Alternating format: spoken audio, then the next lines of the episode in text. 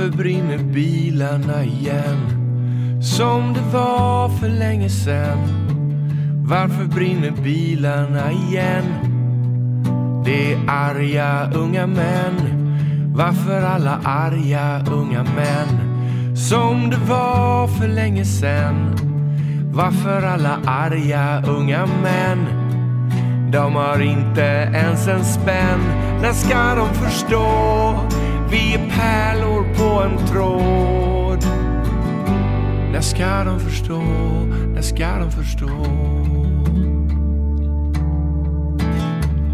Varför har de inte ens en spänn?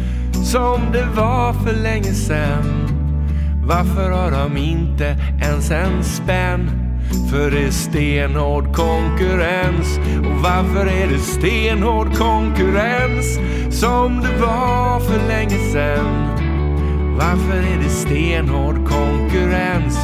För att göda feta rika män. När ska de förstå? Vi är pärlor på en tråd.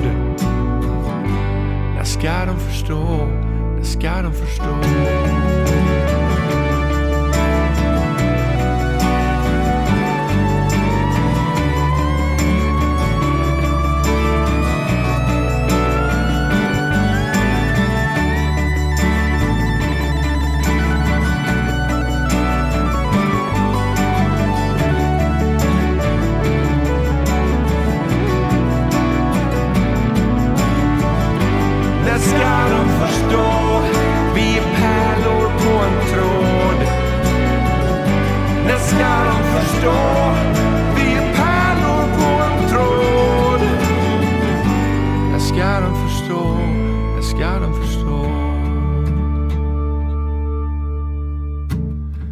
Varför feta rika män som det var för länge sen? Varför göra feta rika män? För vi är inte överens. Och varför är vi inte överens? Som det var för länge sen. Varför är vi inte överens? För vi är rädda och vi skäms. Och varför är vi rädda och vi skäms? Som det var för länge sen. Varför är vi rädda och vi skäms? För nu brinner bilarna igen. Och varför brinner bilarna igen? Som det var för länge sen. Varför brinner bilarna igen? Det är arga unga män. När ska vi förstå? Vi pärlar. pärlor När ska vi förstå? Vi är pärlor på en tråd. När ska vi förstå? När ska vi förstå? Hej, det här är Mellansnack igen med Henrik Wallgren. Eh, mellansnack, alltså idén är att det är ett långt mellansnack mellan två låtar. Det är, det är tanken liksom att det ska uppstå eh, eh, idéer och öppna sig en sak i mig eh, mellan två låtar. Eh, men idag är det inspelade låtar så det kanske inte funkar. Jag vet inte, vi får se. Jag sitter igen hemma hos min eh, obducent eh, Marie-Louise Nilbrink. Och, eh, eh det, hon har en grym studio som hon har gömt i en villa här på Brännö. Det är en eh, 5.1 studio. Eh, jag sitter här, jag har glömt min stol så jag sitter lite konstigt men, men eh, det känns ganska gött i alla fall. Eh, den här låten, eh, Bilarna, eh, den, den, den har jag också snott. Det är, det är en eh, Pete Seeger-låt som heter eh, Where have all the flowers gone? Som jag eh, alltid har älskat. Och eh, för några år sedan så, så eh, satt jag och flummade på, på det här med bilbränder och varför, varför bränner folk bilar? Eh, och då... Eh, ja. Och så hade jag fått en sån eh, märklig vision på Burning Man också. Att, att, att eh, vi är liksom pärlor, vi människor. Vi har liksom en mun och ett rövhål och, och där passerar eh, energi genom oss. så att vi är liksom som pärlor på en slags livstråd. Eh, och så har jag kombinerat ihop dem, liksom, eh, Pete Seegers gamla låt med, med, med den här eh, eh, visionen jag hade ute i öknen där. Och eh, ja, Det kommer handla ganska mycket om män idag. Eh, eh, eh och eh, det, det, är ju sådär man kan ju tycka att, det är lätt att tycka att fan varför, varför bränner folk bilar liksom? Eh, vad är det för jävla skitungar? Och det, jag, jag skulle inte, jag vill inte att någon eldar upp min bil. Jag har ingen bil i och för sig.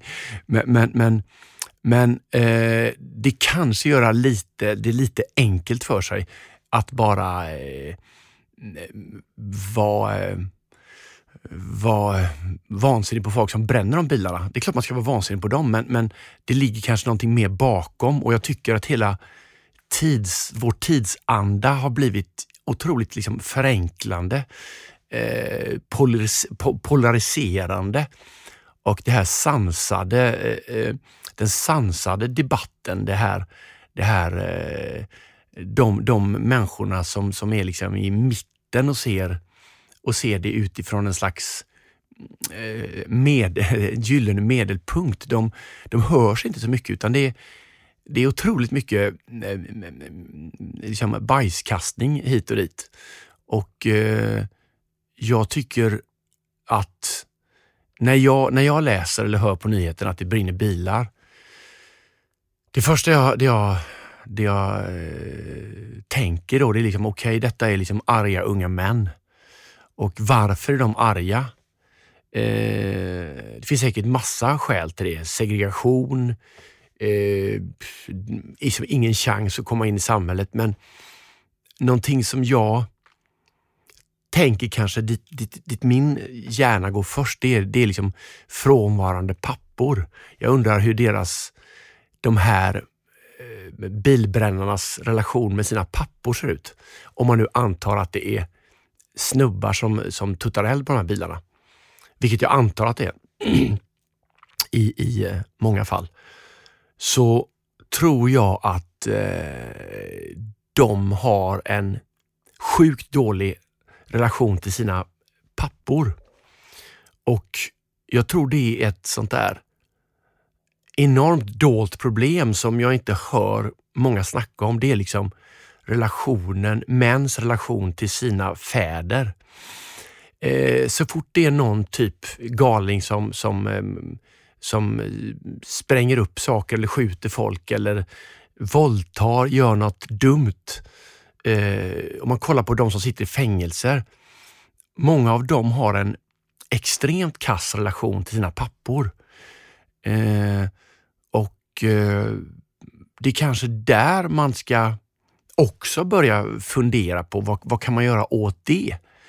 Eh, vad kan man, vad kan man, varför finns det så otroligt få bra manliga förebilder?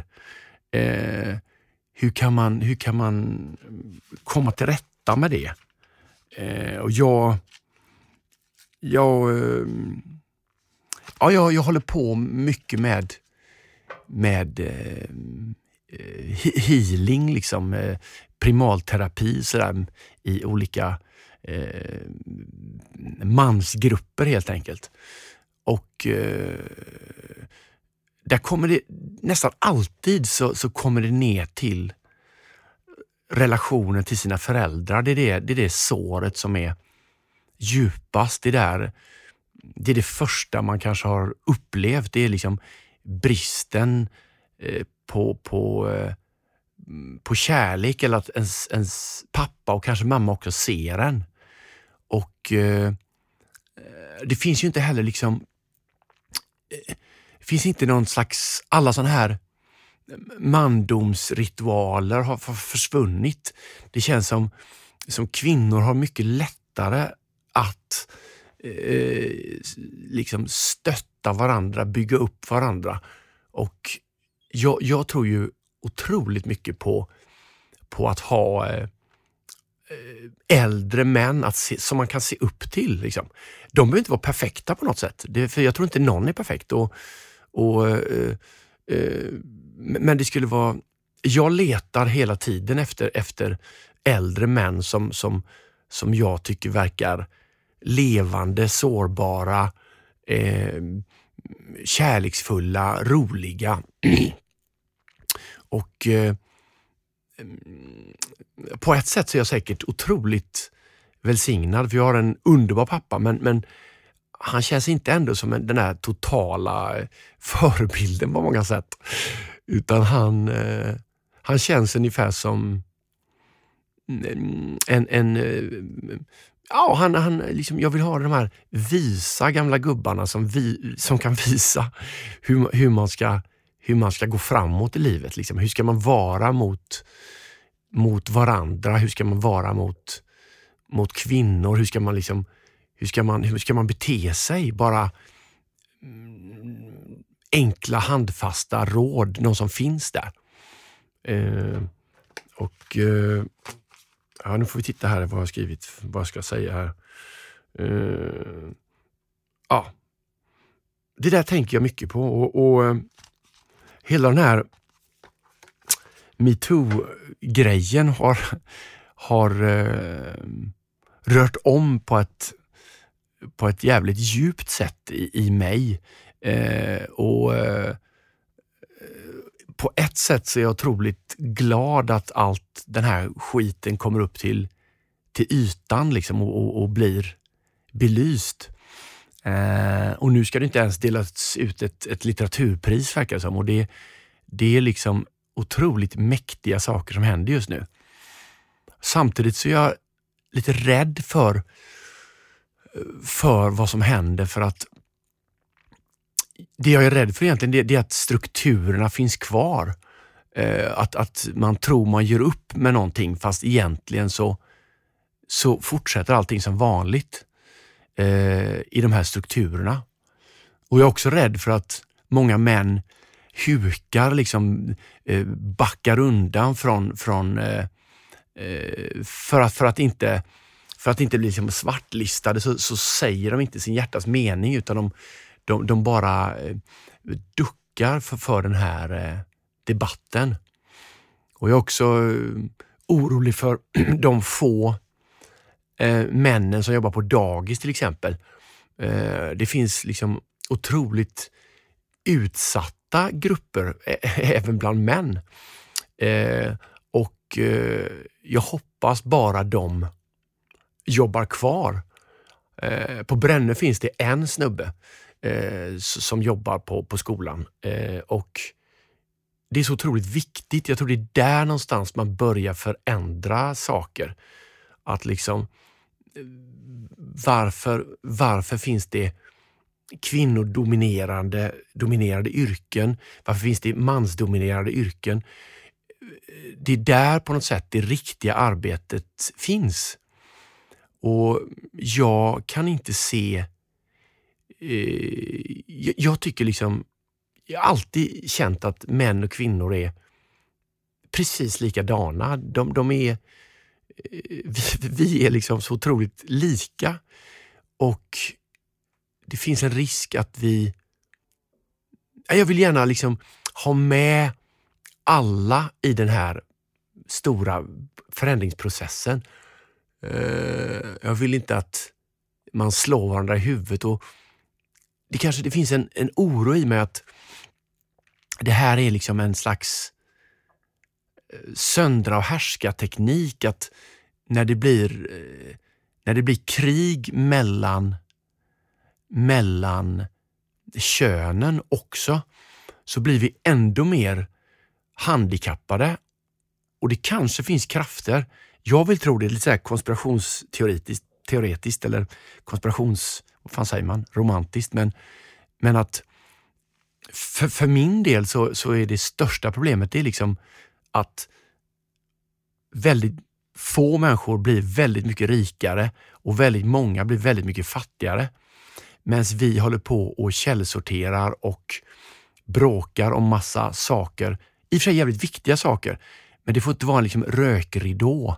Det måste vara, vi måste kunna vara e, fortsätta vara enade, liksom alla, allihop. Att inte, göra, att liksom inte demonisera någon, inte, inte demonisera Sverigedemokrater, inte demonisera kvinnor och män, inte demonisera någon. För att eh, enighet, det är det som är grejen. Att, att, att liksom, ingen ska komma undan med någon skit. Men det är i enigheten som den riktiga förändringen kan, kan, kan ske, tror jag. Eh, när alla är med.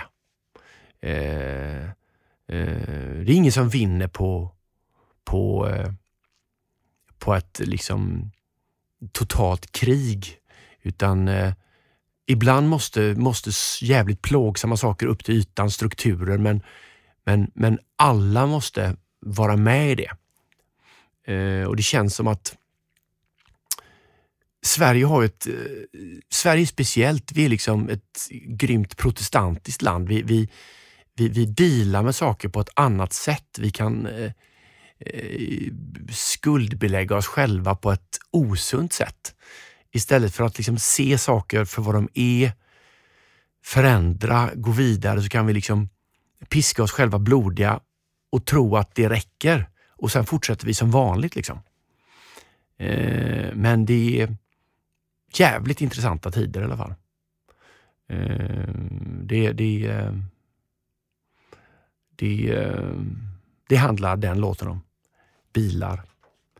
Eh, eh, ja, jag, eh, jag har fått svar på eh, DNA-provet som vi pratade om i förra, förra avsnittet. Och eh, som sagt så var det min son då. Jag ville liksom fejka lite grann sådär, fucka med de här, eh, eh, den här eh, My Heritage som de heter i Texas. Eh, så att eh, jag lämnade in min sons DNA-prov i, i mitt namn. Eh, och det var grymt intressant, ganska sorgligt. Det fanns inga roliga eh, arabiska rottrådar eller, eller mm, native american rottrådar som jag hade hoppats, utan det var ju 81 procent skandinav och sen var det lite, lite eh, ja, det var lite så här Rumänien, vilket jag misstänkte då. Det är ju, liksom, det är ju våra tattar, tattar eh, Eh, eller resande, resande generna. Men sen var det faktiskt 12 procent balt. Och det var eh, oväntat faktiskt. Eh, även om brorsan har skickat massa bilder nu på typiska sådana här balter och det kan man ju nästan se då. Men eh, det, det gjorde mig väldigt... Eh, det fick mig verkligen och det var som en knytnäve i solarplexus. Eh, och det har det har, eh, jag har funderat jättemycket på den här veckan för det finns en svart, svart eh, eh, historia eh, nära mig som, som, eh, som liksom... Ah, det är helt enkelt så här att min farfar, han var polis eh, på 40-talet och eh, då var det massa balter här i Sverige. Så farfar var stationerad i Småland i ett läger där med, med ett antal hundra balter. Sen i slutet av kriget skulle de lämnas ut till ryssarna. Eh, det var ju människor som hade eh, slagits för, för nazisterna liksom. Eh, och nu skulle de lämnas ut. De hade varit i Sverige i flera år, kunde prata svenska, Eh, var eh, liksom personliga vänner med, med, med, eh, med folk här. Eh, de vill ju absolut inte bli utlämnade. Och eh, när det drog ihop sig då till, till det här så, så eh, när de förstod att de ändå skulle bli det. Per Albin Hansson och gänget vek ner sig för ryssarna helt enkelt. Så, så eh, beordrade eh, officeren eller chefen för, för eh, det här gänget alla att lägga upp sin, sin högerfot på, på de här våningssängarna. Och sen så gick han runt och krossade alla högerfötter med en stor sten. Eh, för att de skulle inte skulle bli, för att de skulle hamna på sjukan, för att de inte skulle bli utelämnade. För båtarna låg redan i, i någonstans i Kalmar eller vad det var och väntade på, på det här. Det hjälpte inte utan det var bara eh, in med läkaren, gipsa allas fötter, sätta dem på bussen. Och då såg min farfar hur eh, några, några av de här balterna slår ut fönstren på, på bussarna och skär av sig halsen med glaset i vindrutorna där eller i sidorutorna. Eh, och det, det kunna berätta för mig eh, på sin ålders höst. Eh, och Det var någonting som han hade liksom gått och burit på i många decennier. Sen resten, bussarna kördes ner till hamnen i, i eh, Oskarshamn. Där fick eh, de här balterna ta av sig nakna, lägga alla smycken i, i en, eh, i en eh, låda. Och sen så leddes de ombord, haltade ombord på de ryska fartygen, skickades över till Kaliningrad och sen hörde man aldrig av dem mer. Eh, och när jag ser nu på, på Facebook, på, på, på nyheterna, hur vi skickar hem eller skickar hem, skickar, skickar människor till Afghanistan som, som hazarer. De har liksom vuxit upp i Iran. De har tagit sig hit hela vägen. De har bott här med oss i våra familjer, lärt sig svenska, gått i skolan. Vi skickar hem dem till, eller vi skickar dem till Afghanistan. Eh, till en jävligt osäker eh, framtid. Eh, utan att ta något som helst liksom, ansvar. Det gör mig enormt ledsen ända in i hjärtat. Och jag, jag tror jag har gått omkring och varit ganska arg och ledsen hela veckan för att just för att vi människor liksom inte lär oss. Det är ju själva fan att vi aldrig kan lära oss saker. Att vi glömmer så fort. Eh, att vi vi inte ser bakåt i historien för att, för att lära oss, utan varje tid verkar begå precis samma misstag som den förra tiden, om och om och om igen. Eh, det gör mig eh, jävligt mörk inombords. Jag är ledsen för det, men, men jag är tvungen att dela det. Liksom. Eh, för, för jag är ett, jag är ett tillstånd där jag är i, i, många tider samtidigt. Jag är i, i, många, i många människor samtidigt. Och där är jag jämt. Eller för det mesta i en slags, i en slags, eh, ett slags, en slags spegelsal mellan olika tider och människor. Så jag kanske upplever detta extra starkt. Jag vet inte. Uh, uh, jag tänkte snacka lite nu om misslyckanden. För det här är ju ett stort, fett jävla misslyckande, eh, tycker jag. När man eh, skickar hem folk som, som kan vårt språk, som, som behövs här. Vi har ju för fan arbetsbrist. Vi behöver lärare, vi behöver, vi behöver vi behöver ta hand, hjälpa oss varandra och ta hand om varandra. Vi kan inte skicka hem folk, vi kan inte skicka hem arbetskraft. Det är ju fucking idioti. Det är vansinne. Och misslyckanden har alltid intresserat mig.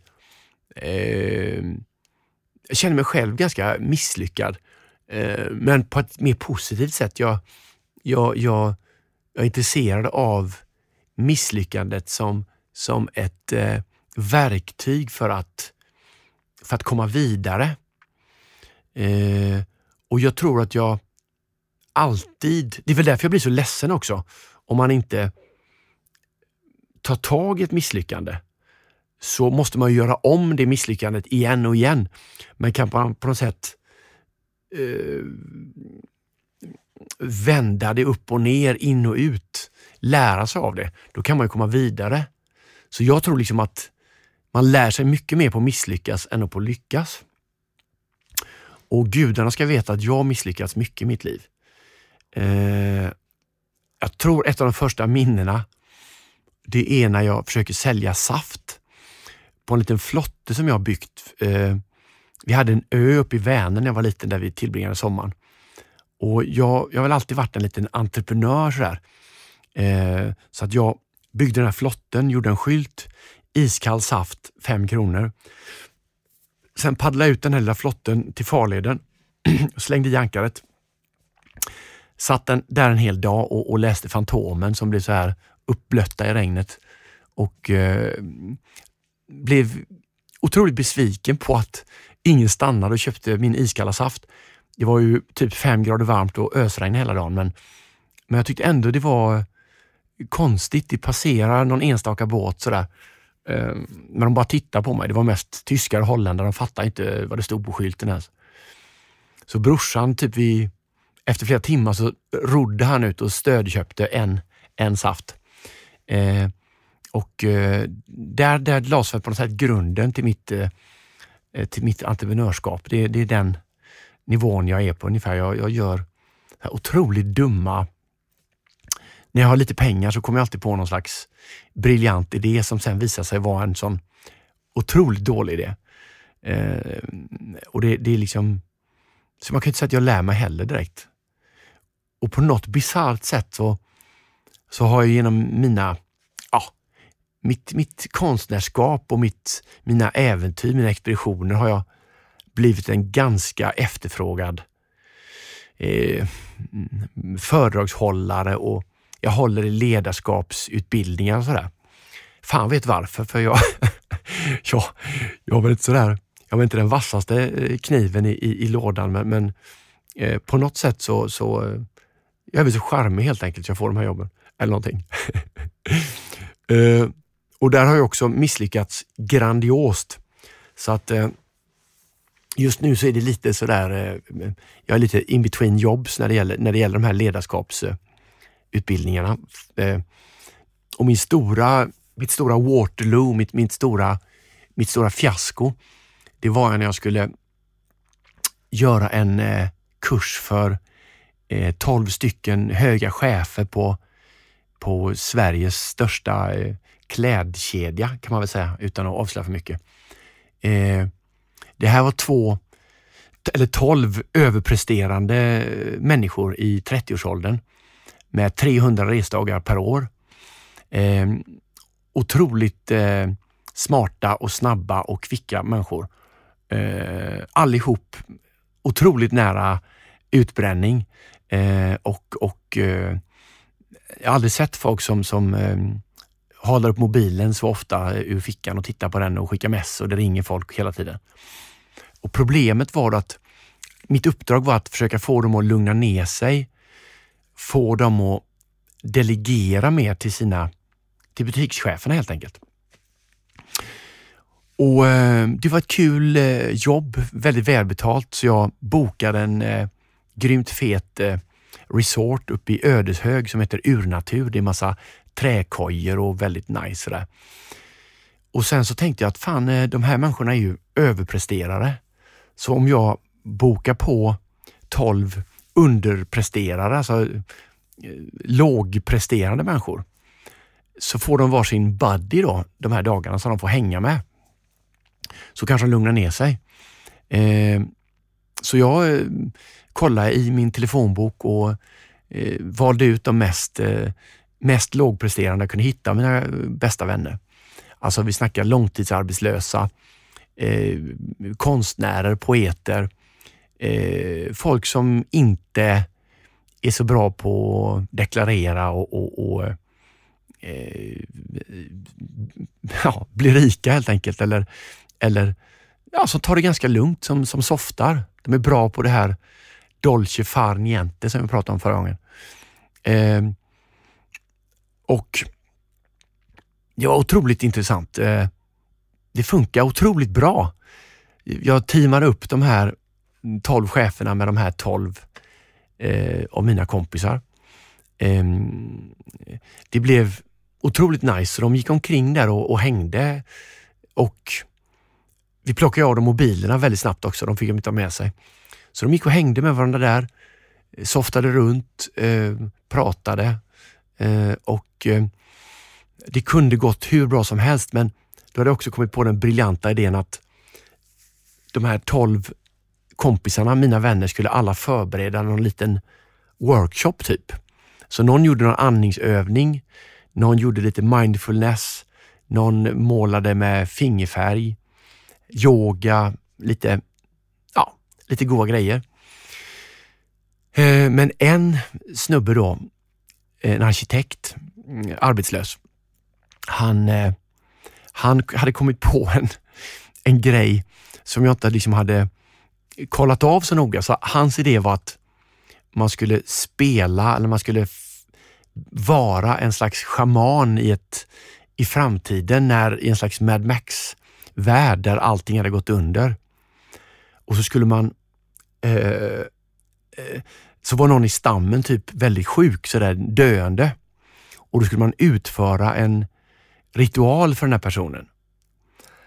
Och jag hör liksom honom säga detta och sen ser jag de här tolv cheferna gå ut i skogen och plocka på sig pinnar och bark och snören och grässtrån. Och jag är helt chockad. Jag tänker bara att de kommer ju vägra nu, men det här var dag två så de var redan så softa så att de, de, de var eh, de, de, de, bara gjorde, de bara gjorde det. Och sen så kom de tillbaka och utförde de mest magiska ritualer jag varit med om i hela mitt liv. Alltså otroligt starka saker.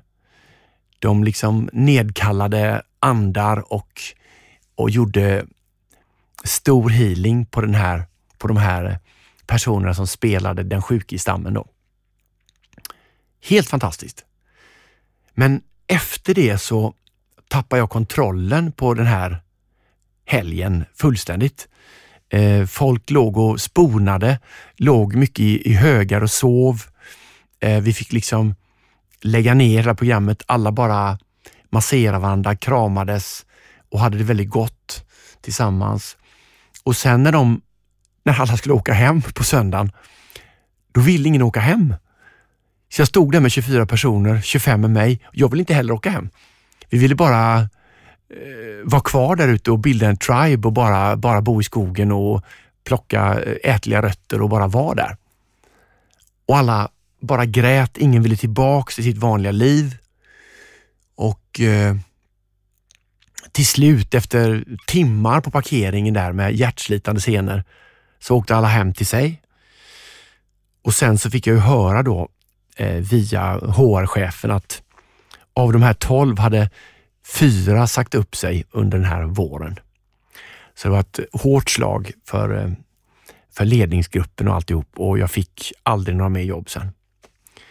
Eh, det, det, det var ett eh, ja, det var ett väldigt lyckat eh, misslyckande kan man säga. Eh, och eh, på något sätt är jag stolt över det, men jag skulle gärna vilja att folk börjar ringa igen. Eh, det skulle vara kul att fortsätta med sånt där. Eh, jag, eh, jag tog en bastu själv förra veckan. Det var faktiskt första gången. Jag, jag, jag brukar alltid gå ner med kompisarna och sitta där, men nu, nu satt jag själv. Eh, och det var helt fantastiskt. Och efter någon timme där så fick jag en stor nedladdning. Det var som att jag tittade ut genom fönstret ut mot havet och då såg jag framtiden. Jag såg på riktigt hur allting kommer bli. Alltså på en, på en slags detaljnivå. Jag såg, jag såg eh, alla, jag såg hur, hur vi lever och hur, hur världen är om 50-100 år. Kanske inte för alla, Men för en del, jag tittade liksom in i ett, ett nyckelhål in i framtiden. Och det jag såg var otroligt positivt, otroligt ljust. Eh, vi hade på något sätt löst mycket saker. Vi, vi hade släppt skärmarna, vi, hade, vi, vi kommunicerade till tingen runt omkring oss på en utan, utan, utan ett, ett synligt eh, gränssnitt.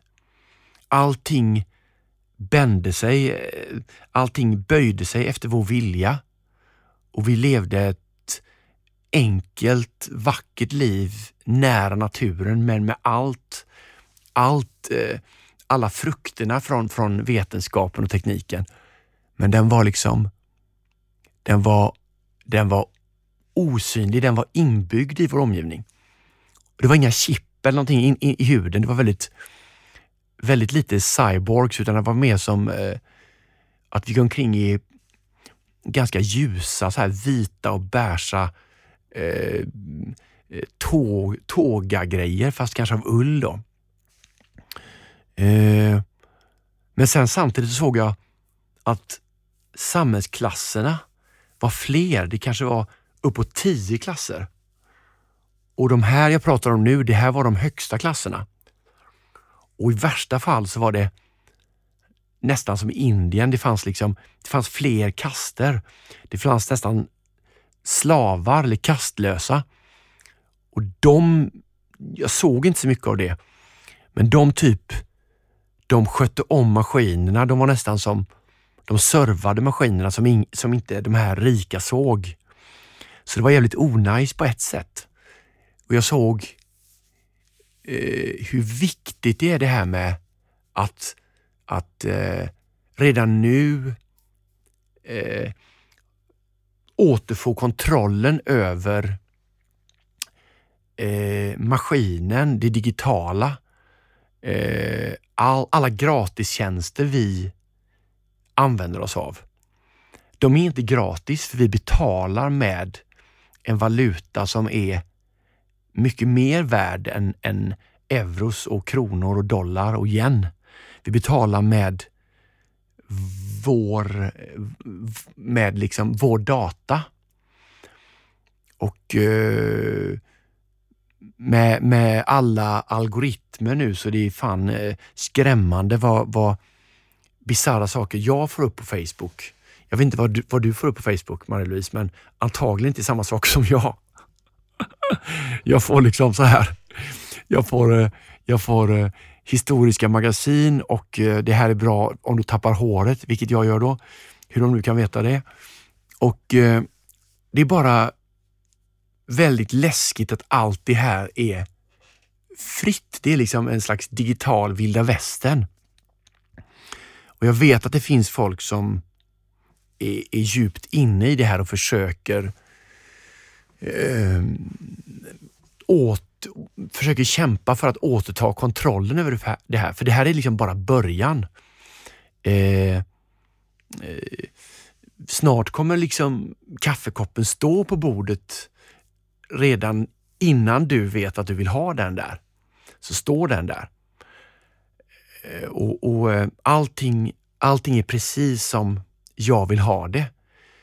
Problemet med det är att om man då kan påverka vilket kaffe jag dricker, mm, alltså att man kan, man kan sälja på mig grejer som jag nästan inte kan kontrollera, så blir ju detta potentiellt sett ett jävligt läskigt samhälle istället för att vara ett så underbart samhälle som jag såg i min vision. Så på något sätt så, så eh, är det lite som i den där, eh, eh, vad heter det, den Stephen King-bok där, vilken jag tänker på nu. Den heter, jag kommer inte på det just nu, men alltså att det känns som att det kommer komma någon slags digital Jesus eller en digital Che Guevara. Eller en, eh, någon, det kommer komma sådana Anonymous-hjältar liksom, eh, i, i, i spåren efter eh, Snowden och, och så och, och återta kontrollen och göra det eh, en slags digital metoo, liksom allt det här, de onda strukturerna, de onda digitala strukturerna kommer komma upp till ytan och så kommer vi, så kommer det bli liksom schysstare. Vi kanske aldrig blir superschysst. För eh, tyvärr är ju världen så eh, inrättad att det verkar aldrig liksom bli 100 procent någonting. Men eh, på något sätt så insåg jag att fan, det där är viktiga grejer alltså. Och Det är många nu som, som typ som inte ens eh, vill kommunicera på Messenger för att på något sätt så, så, så, så finns det det. Det är många tyska eh, anarkistvänner som är mycket, mycket mer försiktiga än vad jag är, ska gudarna veta. Och många här i Sverige. Och kanske med all rätt. Det var ändå ett jävla uppvaknande det här med, med eh, vad hette de? Cambridge, Cambridge Analytics eller vad fan de hette. Um, så att eh, beware people. Eh, nu vet jag inte hur länge jag babblat idag. 38 Herregud, 38 minuter igen! Det är ju sinnessjukt. Man har ju en eh, klocka här inopererad. Eh, det är säkert något eh, mystiskt chemtrails eller någonting som har, som har gjort någonting med min hjärna. Eh, jag tänkte avsluta idag med en låt som heter eh, Leila. För jag blev också sjukt ledsen när eh, Avicii försvann. Eh, vilken jävla röten bransch alltså. Vad, vad många det är som, som, eh, ah, som, som bara eh, mm, checkar ut för tidigt på grund av att på grund av ett slags tryck. Det är ju ty tyvärr så här med oss artister. Vi har liksom det som, som kallas eh, dålig anknytning eller vad kan man säga? Det heter något annat men det finns god anknytning, det finns dålig anknytning och det finns typ potentiellt dålig anknytning. Eh, det är liksom anknytningsteorin att jag är sån väldigt mycket själv. Jag vill bli sedd, jag vill bli älskad. Det är ett stort hål här inne som aldrig kan bli fullt. Och om man då har framgång, om man då blir älskad, hundratusen pers står och bara dyrkar en och det inte hjälper, det fyller inte ens hål. Då får man problem. Och finns det ingen då runt omkring en som, som fångar upp en, då blir det jävligt skevt. Det blir jävligt svårt. Och jag träffade den här lilla underbara människan när jag själv var ung och hon var ändå yngre. En, en eh, grav ADHD-person. Eh, och eh, hon är så jävla tung. En sån otrolig power. Men eh, med power kommer också ofta en, en, någonting annat, liksom ett, ett mörker. Den där powern kommer från ur någonting. Och jag är så otroligt tacksam mot Håkan och Stefans Borssén och allihop som fick upp Leila på Ullevi förra sommaren. Maximum respekt. Fan vad bra gjort. Och om du hör det här syster så, så är den här till dig. Vi hörs snart. Ciao!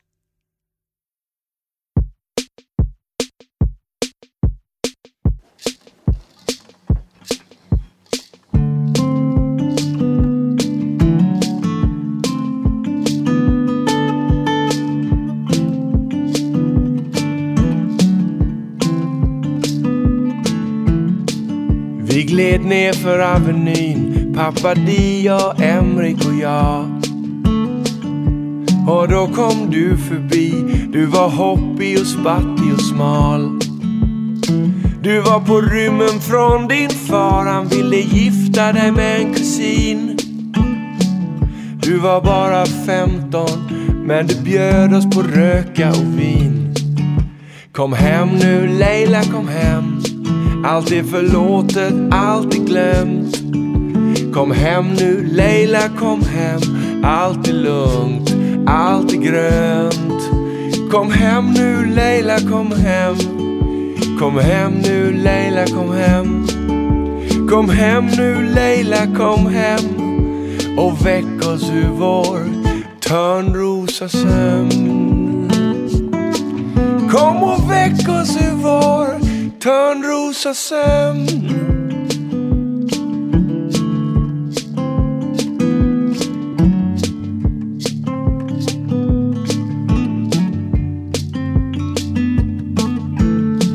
Plötsligt så var du på TV med Robin Rass. Här i Gävla vad du ägde, men vi såg att du mådde kass. Så du flydde till Ibiza med kaos i dina spår. Folket trodde att du sjöng när du slickade dina sår. Kom hem nu Leila, kom hem. Allt är förlåtet, allt är glömt. Kom hem nu Leila, kom hem. Allt är lugnt, allt är grönt. Kom hem nu Leila, kom hem. Kom hem nu Leila, kom hem. Kom hem nu Leila, kom hem. Och väck oss ur vår törnrosasömn. Kom och väck oss ur vår törnrosasömn.